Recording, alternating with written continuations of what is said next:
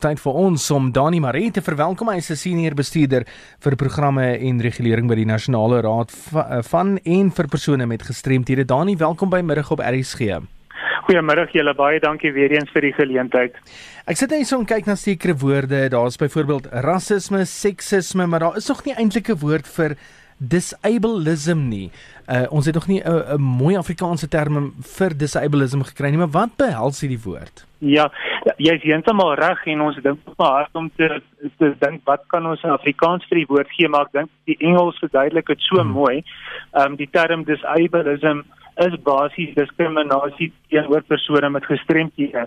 Net soos daar diskriminasie is teenoor seksisme of dan rasisme, is dit baie baie prominent dat daar nog wel diskriminasie is uh, teenoor persone met gestremthede.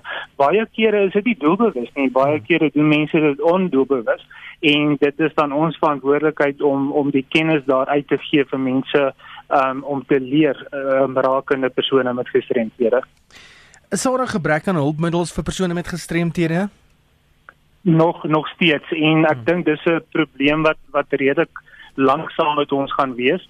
Ehm um, daar is beweging daarom ehm um, van departement gesondheid, maar nog baie gevalle wat ons van bewus is, is daar lyste en lyste van spesifiek kinders wat wag vir byvoorbeeld rolstoele ehm um, om dan skool toe te gaan en nie net ehm um, rolstoele maar ook dan gehoorapparate en ehm um, die witstokke wat persone wat blind is om te gebruik. So daar is 'n groot ehm um, 'n gebrek in in die verskaffing van van hulpmiddels van die regering af. Mm. Ek sit net juist hier so en kyk voordat Sue die vraag vra, sit ek en kyk na van die statistieke wat ons deurgekry het uh oor die rolstoele self, uh jy weet 3 jaar 957 mense op die lys vir rolstoele, gemiddeld van so 70 nuwe aansoeke vir rolstoele wat uh, per maand nog uh, uh ingedien word. So dit is nogal dit lyk my die nood is nogal groot veral in daai ja. verband. Ja, en natuurlik mense moet in ag neem, ehm um, daar is daar is persone met gestremthede wat nie gestremd raak as gevolg van ongelukke of as gevolg van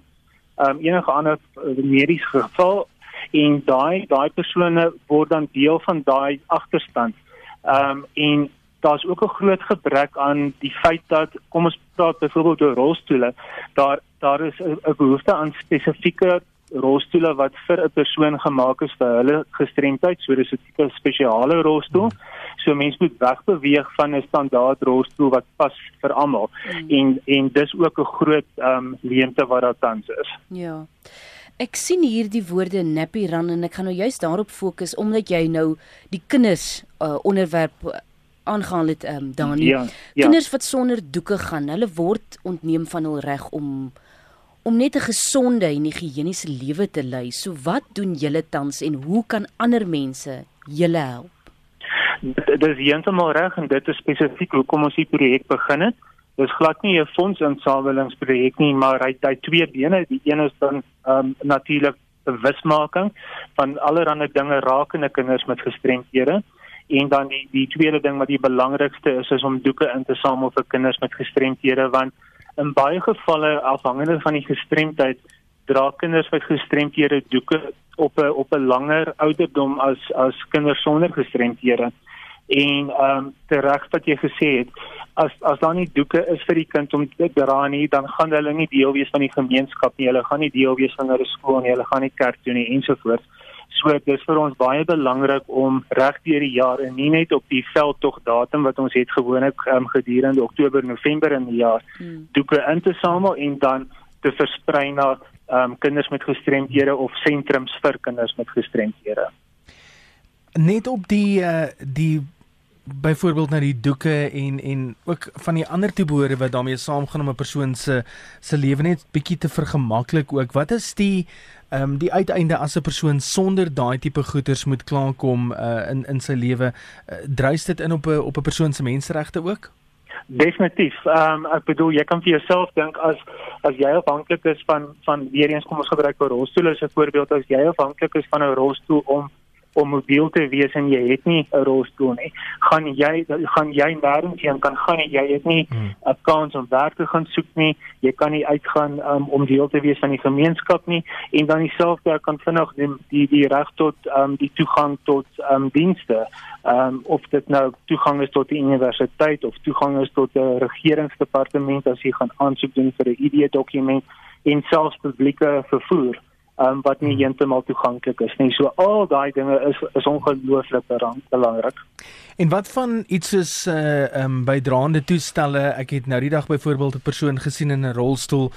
Um en de, en dit was eh, 'n uh, rolstoel wat ek omtrent nog nooit in my lewe gesien het nie, maar die persoon ja. het 'n skerm voor hom gehad ook. Uh die slimfoon en alles was daar was daar ingeprop. Ja. Word toestelle soos daai gesien as as 'n broodnodige toestel of is daar mense wat net sê wel dis lekker om te hê daai daai daai rekenaar? Ehm um, dit dit moet dit moet as 'n broodnodige ehm um, gesien word, maar ongelukkig ehm um, as ek praat nou weer van die regering wat dit verskaf, ehm um, sien dit nie as 'n prioriteit nie. Dit is waar ook gepraat het van 'n rolstoel is 'n rolstoel wat glad nie die geval is nie. Ja. En die wat jy noem is 'n uitstekende geval van 'n rolstoel wat dan spesifiek vir daai persoon gebou en gemaak is vir daai persoon se behoeftes. Ja, dit was nogal interessant geweest om te sien hoe die persoon um, met die rolstoel te werk gaan. Ek het uh, verneem ook dat die persoon van die skouers af ondertoe verlam is en as ja. hy byvoorbeeld op sy op sy slimfoon moet werk, is daar daar so gaatjie langs sy slimfoon in waar hy dan uh, sy klein slimfoon pennetjie uithaal en hy werk die slimfoon geheel ja. en al met sy mond. Ja, nee, dit is ongelooflik wat beskikbaar is en ehm um, nie net met rolstoele nie, selfs met ehm um, as ek 'n ander voorbeeld kan vat van ehm um, voertuie, as jy 'n voertuig wil bestuur en jy is 'n persoon met 'n gestremdheid, is daar soveel opsies wat jou die ehm um, moontlikheid kan gee om weer 'n kar te kan bestuur ja. met ombouings wat gedoen kan word, ehm um, wat wat absoluut wonderlik is. Hmm. Dani, ek kan nie vir jou sê hoeveel boodskappe hier nou ingekom het met soveel ja. vrae. En dis nou nie regtig waaroor die onderhoud vandag handel nie. So as ek nou vir die luisteraars wil sê, dankie dat jy jou vraag vir ons gestuur het hier na RSG, maar vra dit eintlik vir Dani want hy is die persoon wat jou kan antwoord op sy eie tyd. Ja, Hoe maak mense kontak met jou?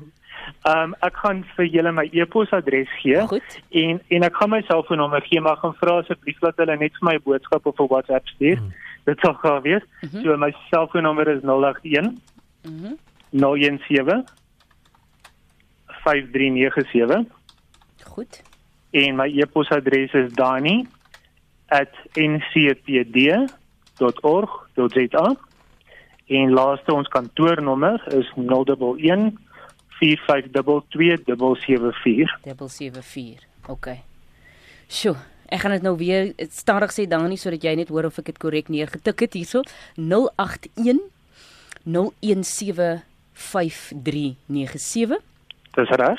Ehm um, so tydens ek gaan maar nou sê tydens kantoorure en op 'n gemaklike en gerieflike tyd jou selfoonnommer gebruik en WhatsApp is vir jou ehm um, die gerieflikste een. E-posse Dani by ncpd.org.za Ja. En dan kantoornommer 011 4522 774. Dis hy.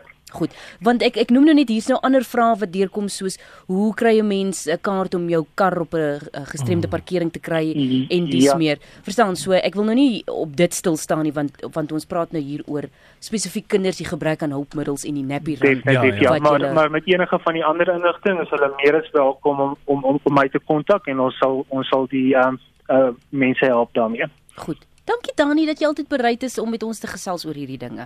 Dis altyd lekker en ek moet vir julle dankie sê dat julle vir ons die tyd gee om ons stories te kan deel en die boodskap te versprei. Goed. Hoop om jou volgende keer sommer in die ateljee te kry sodat mense direk met jou kan gesels hier op die telefoonlyn in die ateljee. Dit sou goed wees, dankie. Goed so Dani, mooi bly.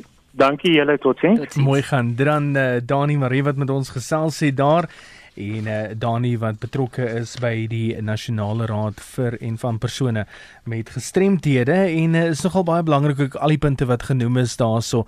En uh, ook die woord disableism. Wees by hmm. uitkyk vir daai woord. Jy gaan nog baie hoor in die toekoms. Ek dink hier Nico het gesê gestremtisme. Hm gestremtisme. Nog iemand? Andre Botha wat so iets gesê het.